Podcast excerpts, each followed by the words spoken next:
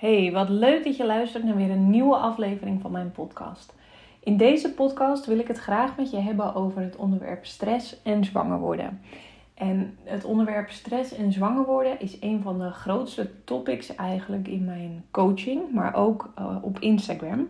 Ik heb uh, recentelijk een uh, poll hiervoor geplaatst van wat voor podcast zou jij willen horen en deze was echt veruit de meest gelikte. Of de meeste, ja, ik kreeg de meeste reacties eigenlijk. En ik denk dat ik daarmee ook gelijk alvast één punt aansnijd. Dat we eigenlijk allemaal wel weten dat stress en zwangerschap niet zo goed samengaat. Ook natuurlijk omdat daar heel veel over te lezen is en over verteld wordt. Maar ook omdat het zo'n lastig onderwerp is. Hè? Want ja, je kan weten dat stress niet zo heel goed is voor de vruchtbaarheid of voor de kans op een zwangerschap. Maar wat doe je er nou eigenlijk aan? Wat kan je daarmee? En ja, als je kijkt naar Google, ehm, iets wat je, wanneer je een onverveelde kinderwens hebt, uh, veelvuldig doet waarschijnlijk. Althans, dat deed ik.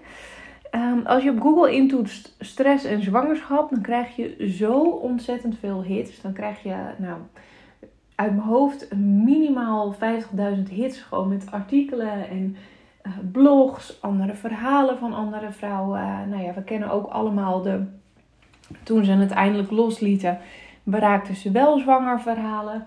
Dus er zijn zoveel voorbeelden en zoveel, uh, ja, eigenlijk informatieve dingen te vinden over stress en zwangerschap, dat dat het juist ook weer heel lastig maakt. Nou, laten we even gaan kijken naar wat stress is. even een korte introductie daarop. Want wat ik veelal in de praktijk zie, is dat vrouwen. ik praat in, in mijn praktijk het meeste met vrouwen, ook wel met een aantal mannen, maar het is toch voornamelijk uh, vrouwen.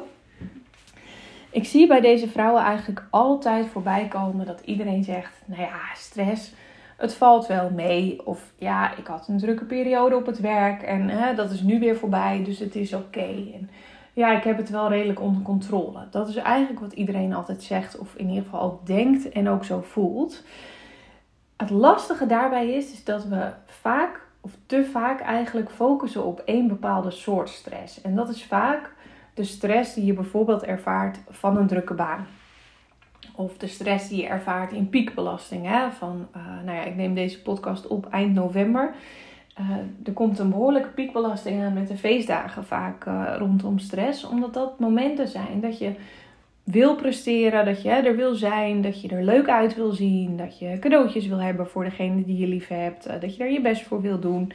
Onbewuste stress dingen eigenlijk, maar ook dus die piekbelasting. Nou, stress heeft dus twee systemen. Je hebt mentale stress en lichamelijke stress. En vooral de mentale stress van het volle hoofd hebben en dat ervaren eigenlijk, dus echt druk ervaren, last van je spieren hebben, hoofdpijn hebben, die kennen de meeste mensen eigenlijk wel. Dat je echt als je s'avonds thuis komt na een spannende presentatie bijvoorbeeld, dat je echt gewoon instort. Omdat je gewoon langere tijd op adrenaline doorgegaan bent en dat je dan ineens, nou ja, de mentale stress neemt af. Dus hè, je, je stort gewoon in eigenlijk. Lichamelijke stress is er eentje die vaak vergeten wordt. Waarschijnlijk als ik je een aantal voorbeelden ga geven, dan denk je, oh ja, herken ik. Of oh ja, dat is dat ook stress. En dat is juist het gevaarlijke van deze soort stress eigenlijk. Dat we hem vaak over het hoofd zien. Want lichamelijke stress is bijvoorbeeld onjuiste voeding. Uh, stress voor je lichaam is het al op het moment dat jij eigenlijk niet zo goed tegen lactose kan en je hebt uh, van de zomer een uh, vanille-ijsje gegeten en je krijgt buikpijn ervan, maar je denkt, nou ja, gaat wel weer over, heb ik altijd na dit. En hè, je gaat weer door eigenlijk met wat je altijd deed. In je lichaam speelt zich dan een situatie af dat er een soort aanval komt, want jouw lijf kan niet zo goed met, dat, voeden, met die voedingsstof omgaan. En je lichaam moet dat gaan verwerken. Daar moet het extra veel moeite voor doen, dus het kost extra veel energie. Maar die energie, die moet ergens vandaan komen. Als jij dan doorgaat met wat je altijd al deed, heb je ook daar dus gewoon energie voor nodig. Dus je snapt dat daar een soort disbalans ontstaat. Nou, verkeerde voeding is dus aan de hand van dit voorbeeld een van de dingen die lichamelijke stress kan veroorzaken. Andere dingen zijn ook uh, onzekerheid bijvoorbeeld. Heel erg druk maken over hoe je eruit ziet en daardoor nou ja, in je lichaam gewoon dingen vastzetten. Dat is eigenlijk hoe je het het beste zou kunnen verwoorden. Het linkt natuurlijk wel altijd met mentale stress. Want hè, je, je, mentale gestel en je, hoe je lichaam voelt hangen altijd met elkaar samen daarin. Ik ging vrij snel over mentale stress heen, maar ik wil toch even een klein stukje daar nog terug in gaan. Ehm, want als je naar mentale stress kijkt, en vooral als je naar mentale stress kijkt in een kinderwenstraject, hè, of je nou in het ziekenhuis loopt of niet. Maar op het moment dat je een kinderwens hebt, zit er zoveel meer mentale stress onder die ook je lichaam uh, ja, beïnvloedt eigenlijk. Dus je lichamelijke stress meeneemt. En dan heb ik het nog niet eens over de praktische dingen van als je bijvoorbeeld in een ziekenhuistraject zit, dat je veel naar echo's moet, vrij moet nemen op je werk. Uh, dat je misschien wel smoesjes moet bedenken omdat je nog niet wil vertellen waar je mee bezig bent. Uh, de precieze tijden waarop je hormonen tot je moet nemen, spuiten of slikken of in ieder geval hormonen, uh, synthetische hormonen binnen moet krijgen. De controle-echo's. Dan heb ik het ook nog niet eens over de stress van zal het dit keer gelukt zijn. Maar puur om die, ja, die hele feitelijke dingen eigenlijk. Hè, die spelen dan al een grote rol.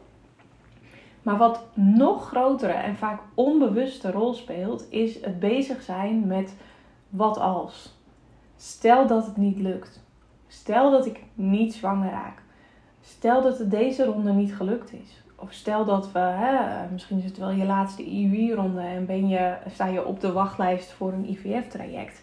Maak je je daar veel zorgen over? Um, Misschien ben je bang dat de hormonen niet aanslaan. Of misschien gaat het zelfs een stapje verder en ben je in je hoofd al ergens met bijvoorbeeld adoptie of uh, eiceldonatie of een zaaddonor bezig. Omdat je denkt, wat nou als het ons niet lukt? Wat nou als dit het gewoon niet is? En ik herken dat zelf heel erg uit mijn eigen traject nog.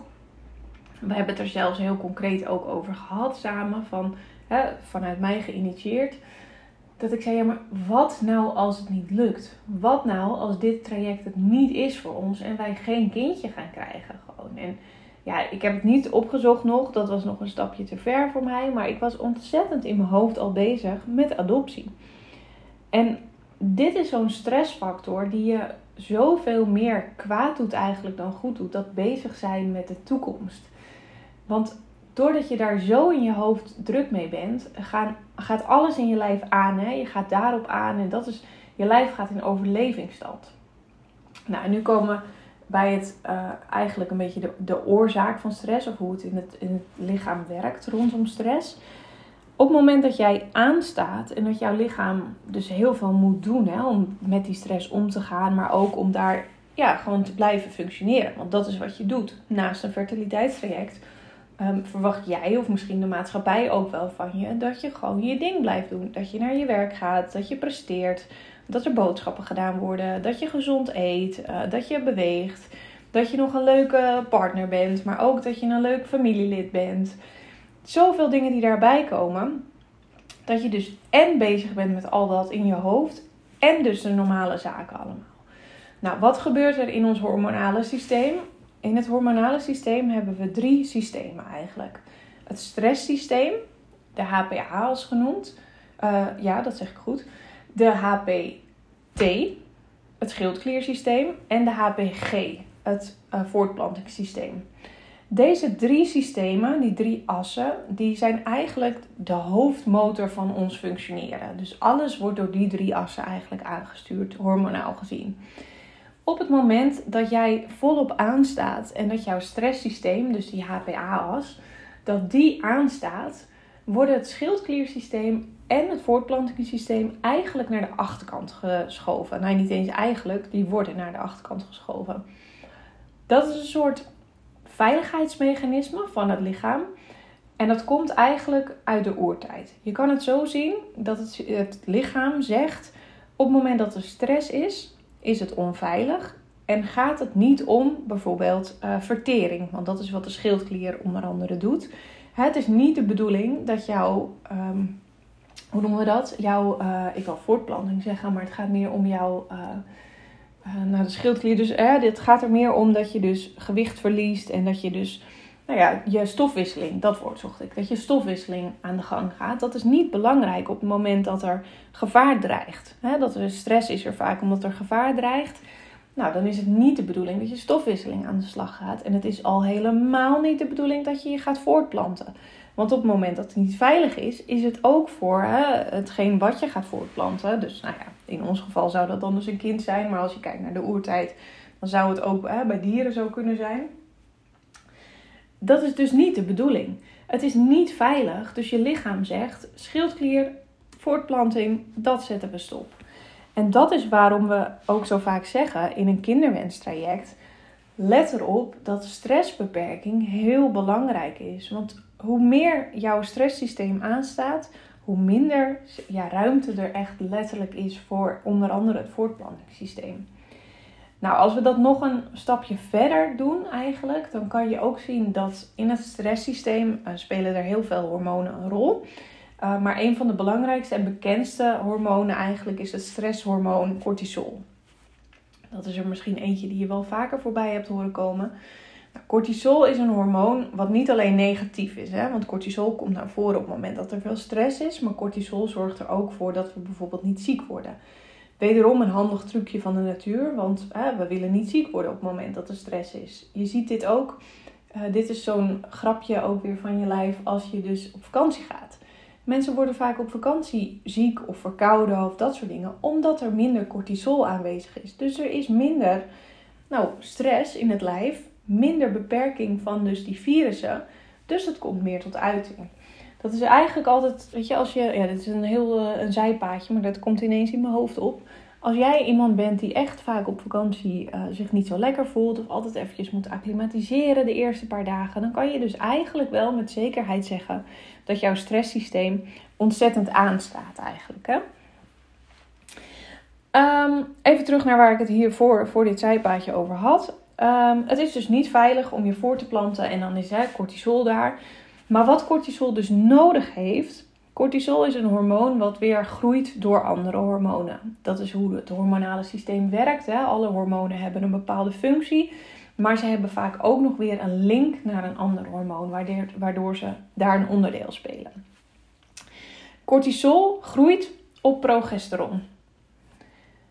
En nu ben ik bewust even stil, omdat ik wil dat je dat eventjes gewoon goed tot je door laat dringen eigenlijk. Dus wat ik hier zeg, cortisol groeit op progesteron, betekent eigenlijk dat hoe meer stress jij hebt, hoe meer cortisol er dus is in je lichaam, hoe minder actieve progesteron er is. Want die progesteron wordt ingezet om dat stresshormoon te maken. Dat klinkt best heftig, want progesteron is het hormoon wat je nodig hebt om een zwangerschap blijvend te houden, onder andere. Progesteron zorgt ervoor dat je baarmoederslijmvlies goed opbouwt. Progesteron zorgt ervoor dat een vruchtje goed kan innestelen. Dus echt ontzettend essentiële hormonen als het gaat om zwanger worden en zwanger blijven eigenlijk. Nou, dat is eventjes hoe het stresssysteem in het lichaam werkt. Dus als ik je dit als achtergrond meegeef, dan klinkt het, in ieder geval voor mij, ik hoop voor jou ook, uh, al een heel stuk logischer waar de opmerking vandaan komt dat je stress eigenlijk moet beperken bij een zwangerschapswens nu even naar het hele ja, menselijke aspect wat daarbij hoort. Een kinderwens hebben, of in ieder geval stoppen met anticonceptie en uh, willen nu of over een tijdje uh, dat er een zwangerschap uit voortkomt, dat is heel stressvol. We kunnen allemaal zeggen dat het niet zo is, maar het is zo. Er zijn nauwelijks mensen die stoppen met anticonceptie en denken: Nou, als wij over twee jaar aan de beurt zijn, is het prima. Deze mensen zijn er wel, vaak wel. ik was zelf ook zo iemand. Ik weet dat wij nog. ook zo iemand. Dat klinkt net alsof het heel ernstig is als je dit hebt. Dat het was niet mijn bedoeling. Maar ehm, ik weet zelf nog dat ik net gestopt was met de pil. En dat wij. Ehm, ik stond onder de douche. Uh, Job, mijn man, die stond in de badkamer. En ik zei: Schat, ja, dat stoppen met de pil is allemaal leuk, hè. Maar als het nou niet gelijk lukt. Wij zijn niet zo'n stel, toch? Wij gaan niet zo moeilijk doen daarover. En wij gaan het niet zo'n groot ding laten zijn, toch? Nou, lachen, ha, ha, ha. Nee, dat gaan wij niet doen.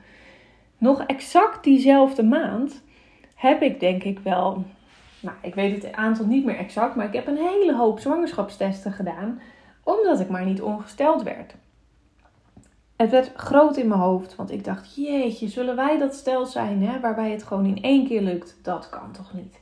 Ik kan toch niet nu al zwanger zijn? Jeetje, onrust, onzekerheid, alles wat erbij kwam, negatieve test. Nou, oké, vervelend, maar goed, was nog niet heel erg verdrietig, want het was tenslotte de eerste keer. Nou, toen dacht ik, dan komt die menstruatie wel doorzetten. Die menstruatie kwam niet doorzetten, dat duurde ontzettend lang. Nog een hele hoop uh, zwangerschapstesten. Dus ja, als ik deze situatie nu aanhaal, dat was overigens uh, niet een uh, situatie die, waarvan ik dacht, hé, hier ga ik het met je over hebben in de podcast. Maar als nu ik deze situatie zo aanhaal, denk ik, ja, weet je, dit was ook een ontzettende stressvolle periode. Realiseerde me nooit dat de stress van mijn onregelmatige cyclus, die, want die hè, als je al meer podcasts van mij geluisterd hebt, of als je me volgt op Instagram, dan weet je daar meer over. Mocht je dat overigens uh, willen weten en het nog niet helemaal weten, uh, de eerste podcast die ik opgenomen heb is een uh, podcast over mijn verhaal. Dus over onze kinderwens en ons fertiliteitstraject daarin. Maar wat wil ik hierover zeggen? dat alleen al de druk, zeg maar, die het met zich meegaf van hè, word ik wel ongesteld, word ik niet ongesteld, ben ik nou zwanger, ben ik nou niet zwanger. Dat is al zo'n ontzettende mentale stress eigenlijk, zo'n ontzettende stressbelasting waar ik me toen helemaal niet bewust van was. En dat geeft niet dat je je op dat moment er niet bewust van bent. Maar het is wel iets wat heel erg impact heeft op dus die hormonen en dus uiteindelijk op die vruchtbaarheid. Nou, nu luister je waarschijnlijk deze podcast omdat je denkt, ja, wat kan ik hier nou mee? Zijn er überhaupt dingen die ik ermee kan doen met stress? En ja, die zijn er. En mijn allereerste belangrijke tip daarin is, is dat je echt voor jezelf nagaat welke momenten heb ik stress. En dus ook echt brutaal eerlijk naar jezelf zijn. Hè? Want het is zo makkelijk om te denken, nou dat viel wel mee of nee, dan heb ik geen stress. Maar de voorbeelden die ik net al gaf, alleen al in je hoofd bezig zijn met wat als het niet lukt, of wat als wij nooit een kindje mogen krijgen, of een tweede kindje of een derde kindje, of nou ja, noem het maar op. Dat is al stress. Dat is echt al stress gewoon voor je lichaam. En als je daarin heel eerlijk naar jezelf kan zijn, dan heb je eigenlijk al een streepje voor. Ehm, de huidige wereld waar we in leven is iets wat best wel veel stress veroorzaakt. Hè? Ik zeg het nu nog redelijk rustig. Ik kan daar legio voorbeelden over noemen. Ehm, ik wil niemand voor het hoofd stoten daarin. Want uh, wat je mening dan ook is in dit hele, deze hele nieuwe wereld, uh, I'm okay with it. Waar het voor mij om gaat, is dat je kijkt naar de stress. Hè? Ik kan me voorstellen dat het je heel veel stress geeft. Dat je op dit moment uh, misschien wel een uitgestelde behandeling hebt rondom fertiliteit, omdat de belasting in de zorg zo hoog is. Aan de andere kant kan ik me ook heel goed voorstellen dat je heel veel stress ervaart van een advies dat je bijvoorbeeld minder bij je grootouders zou uh, langs moeten gaan. Want wie weet zijn ze wel ziek. Uh, wie weet ben je wel een mantelzorger of deel je een zorg met, met een van je broers of zussen bijvoorbeeld voor je ouders. En maak je heel erg zorgen om wat dit virus of alles wat er in de wereld speelt bij jou kan doen. Dat zijn allemaal factoren waar we niet zo heel veel invloed op hebben in die zin dat het virus er is. Het enige waar jij invloed op uit kan oefenen is hoe jij ermee omgaat. En waar jij voor jezelf de grens trekt van oké, dit is stress voor mij. Maar tot hier en niet verder, want ik kies ervoor om mijn lijf hè, de ruimte te geven dat stresssysteem niet altijd aan te hebben. En dat is heel lastig. Dat is echt ontzettend lastig, omdat stress er altijd zal zijn. Maar zodra jij je gaat realiseren wat allemaal stress is en hoe je daar dus je eigen grens in kan bepalen, dan win je daarin eigenlijk al zoveel voor jezelf. Nou, een tweede tip die ik je heel graag mee wil geven is voeding. Want los van de mentale belasting, zei ik net al, is er natuurlijk ook ontzettend veel lichamelijke stress. En als je op zoek kan gaan naar wat voor jou de juiste voeding is, dan beperk je daarin al een hele grote mate van stress. Ik gaf net het voorbeeld van het, het ijsje in de zomer, maar het gaat veel verder dan dat. Hè. Um, recentelijk realiseerde ik me dat mijn maag altijd heel erg reageert op uh, prei en ui. Nooit bewust van geweest. Maar op het moment dat ik dat heb, dat ik dat gegeten heb bijvoorbeeld. Nou, recentelijker kan eigenlijk niet. Uh, afgelopen weekend nog. Heb ik een heerlijke prijsschotel gegeten. Maar die avond, de hele avond last van mijn buik gehad. Waardoor ik in de weer was in mijn hoofd. Met dat ik dacht, jeetje, hè, wat vervelend is dit. Nou, het voelt echt niet helemaal lekker. Hè? Wat zal er aan de hand zijn? Nou, wat zal dit zijn? Ik ben dus continu in mijn hoofd bezig met de verkeerde voeding die ik genomen heb. Dat is echt lichamelijke stress. En daar kan ik iets mee doen. Weet je? Nu realiseer ik me dat dat dus niet de juiste voeding voor mij is. Dus ga ik die elimineren om ervoor te zorgen dat ik die stress ook alvast beperk.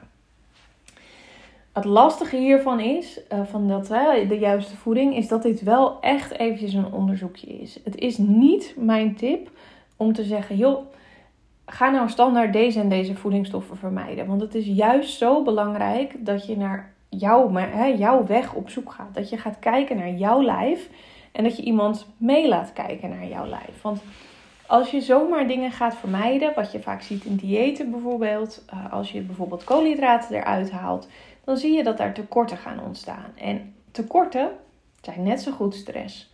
Dus als jij, nou ja, ik noem maar iets, een, uh, een dieet gaat volgen met bijvoorbeeld shakes, dan ga je tekorten ontwikkelen, omdat daar heel veel voedingsstoffen niet in zitten. Tekorten betekent dat je lichaam op overlevingsstand gaat.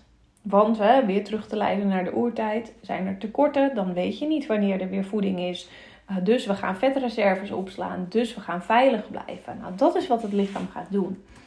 Dus zorg ervoor dat je de juiste voeding binnenkrijgt en dat je dat misschien wel samen met iemand gaat ontdekken daarover. Als het gaat om stress, wil ik je meegeven dat dit een van de lastigste onderwerpen is om aan te pakken, maar dat het echt het aller, allerbelangrijkste is om jezelf gewoon echt in de spiegel aan te kijken. Vertel eens tegen jezelf waar jij stress van krijgt en ga kijken of je daar iets aan kan doen. In mijn online programma Verbeter je vruchtbaarheid online heb ik een module speciaal gewijd aan stress. Ik vind stress namelijk zo'n belangrijk onderwerp dat er echt veel meer aandacht aan gegeven mag worden. Ehm, ik heb deze toegevoegd als bonus. Er zitten meerdere, twee opdrachten, zeg ik uit mijn hoofd, zitten erin. Uh, waarmee je dus echt aan de slag kan gaan met het hele stressaspect. Nou, dit online programma bevat natuurlijk niet alleen de module stress, het bevat veel meer. Het geeft je een totaal overzicht over wat je zelf kan doen om jouw vruchtbaarheid te verbeteren en om de kans op een zwangerschap te vergroten. Ik zeg zes weken dat het duurt. Nou, inmiddels zitten er zeven modules in, dus het duurt iets langer. Uh, en de achtste module is onderweg, want ik ben er heel hard mee, uh, mee aan het werk. Maar waar je onder andere informatie over krijgt, is dus naast stress, voeding, hormonen in balans, hormonen disbal hormonale disbalansen, de cyclus. Hoe ga je nou de vruchtbare periode benutten? er zit een speciale module in voor de man, want ook de man kan heel veel doen aan de vruchtbaarheid. En je gaat dus in combinatie met informatie, video en opdrachten aan de slag met je eigen vruchtbaarheid verbeteren.